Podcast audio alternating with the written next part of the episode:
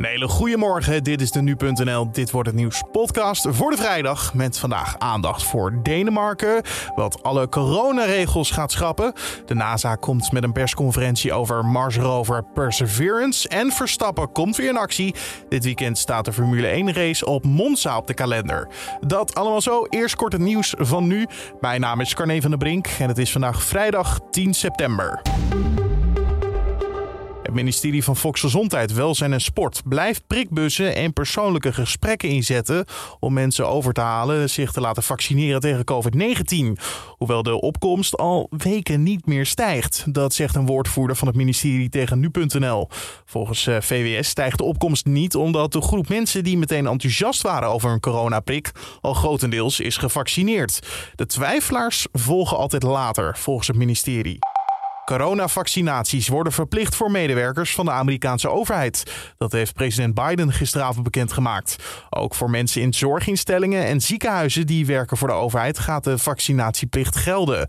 Volgens Biden is de tijd van wachten voorbij. This is not about freedom or personal choice. It's about protecting yourself and those around you, the people you work with, the people you care about the people you love. So, the time for waiting is over. Volgens de president zijn er genoeg bedrijven die dit ook al verplichten. Some of the biggest companies are already requiring this. United Airlines, Disney, and even Fox News. The bottom line, we're going to protect vaccinated workers from unvaccinated coworkers. Naar verwachting zullen de maatregelen voor het bedrijfsleven ongeveer 80 miljoen werknemers in de VS treffen en meer dan 17 miljoen mensen in de zorgsector. Ja, we blijven even in Amerika, want de regering daar heeft een rechtszaak aangespannen tegen Texas vanwege de nieuwe, zeer strenge abortuswetgeving. Volgens de minister van Justitie zou elke Amerikaan deze wet moeten afkeuren. This kind of scheme to nullify the Constitution of the United States is one that all Americans, whatever their politics or party, should fear. De wet bepaalt dat vrouwen na zes weken alleen nog onder zeer strenge voorwaarden abortus moeten plegen. Ook wordt aangemoedigd om mensen te verklikken als die toch illegaal een abortus krijgen. Schulden van gedupeerden van de toeslagenaffaire zijn door zeker 100 gemeenten al kwijtgescholden. Dit meldt BNR. Hierdoor hoeven gedupeerden niet te wachten op een wet die pas volgend jaar in zou gaan. Want er moet nu per persoon worden gekeken of de schulden ingetrokken kunnen worden. En dat is best een ingewikkeld proces. En Taliban-strijders hebben afgelopen week tientallen journalisten opgepakt, mishandeld en geslagen met stokken. Volgens een organisatie voor journalisten laat de Taliban zien dat gemaakte beloftes over het toestaan van onafhankelijke Afghaanse media niet waard zijn. Onder meer journalisten die verslag deden van de protesten in hoofdstad Kabul werden aangepakt. Woensdag gingen honderden vrouwen daar de straat op om te demonstreren tegen de Taliban. Volgens een Afghaanse journalist is er een einde gekomen aan de persvrijheid in Afghanistan.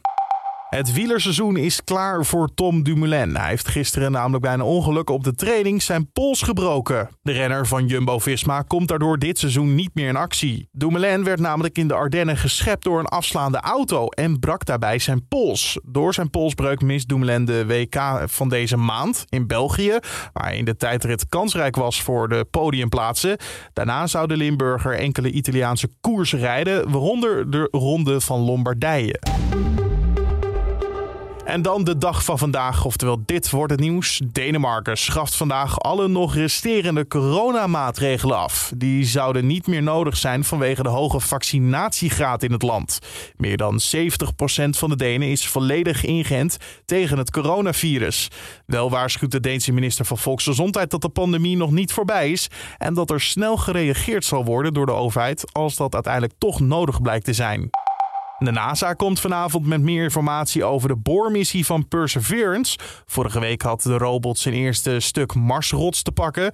De rover heeft het monster in een buis geplaatst. En het idee is dat deze buis via een andere Marsmissie wordt opgehaald en terug naar de aarde wordt gebracht. Dat gebeurt op zijn vroegst in 2028. Eh, via het gesteente wil de NASA onderzoeken of het materiaal bewijs bevat dat er mogelijk leven op Mars was.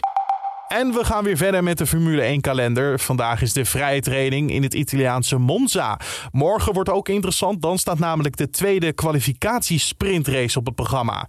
Als proef wordt zo'n sprint dit jaar drie keer gehouden. De eerste keer was in het Verenigd Koninkrijk. Bij deze speciale kwalificatie zijn ook punten te verdienen, namelijk drie punten voor de winnaar, twee punten voor de nummer twee en één punt voor de nummer drie. De race begint zondag om drie uur. Dan over naar het weer van vandaag. Wat gaat het worden? Je hoort het van Diana Woei van Weerplaza. Vanochtend is het op veel plaatsen droog en schijnt de zon van tijd tot tijd tussen de wolken door. Vanmiddag ontstaan op veel plaatsen, vooral landinwaarts, een aantal buien. Bij sommige buien is kans op hagel en lokaal veel regen. Voordat de buien ontstaan stijgt de temperatuur naar zo'n 22 graden in het noordwesten van het land tot 24 in het oosten.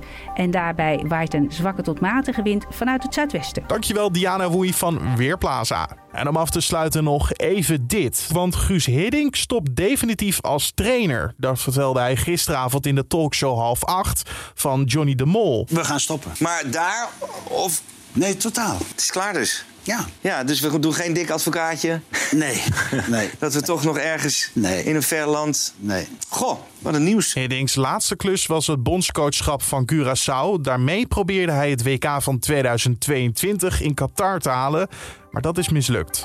Tot zover deze Dit Wordt Het Nieuws podcast voor de vrijdag. Dankjewel voor het luisteren. Je kan natuurlijk de podcast elke ochtend op de voorpagina van nu.nl vinden en in je favoriete podcast app. Je kan je gratis abonneren, zo mis je geen aflevering. En laat ook een recensie achter bij Apple Podcast. Mijn naam is Carne van der Brink. Een hele mooie dag vandaag, fijn weekend en tot maandag.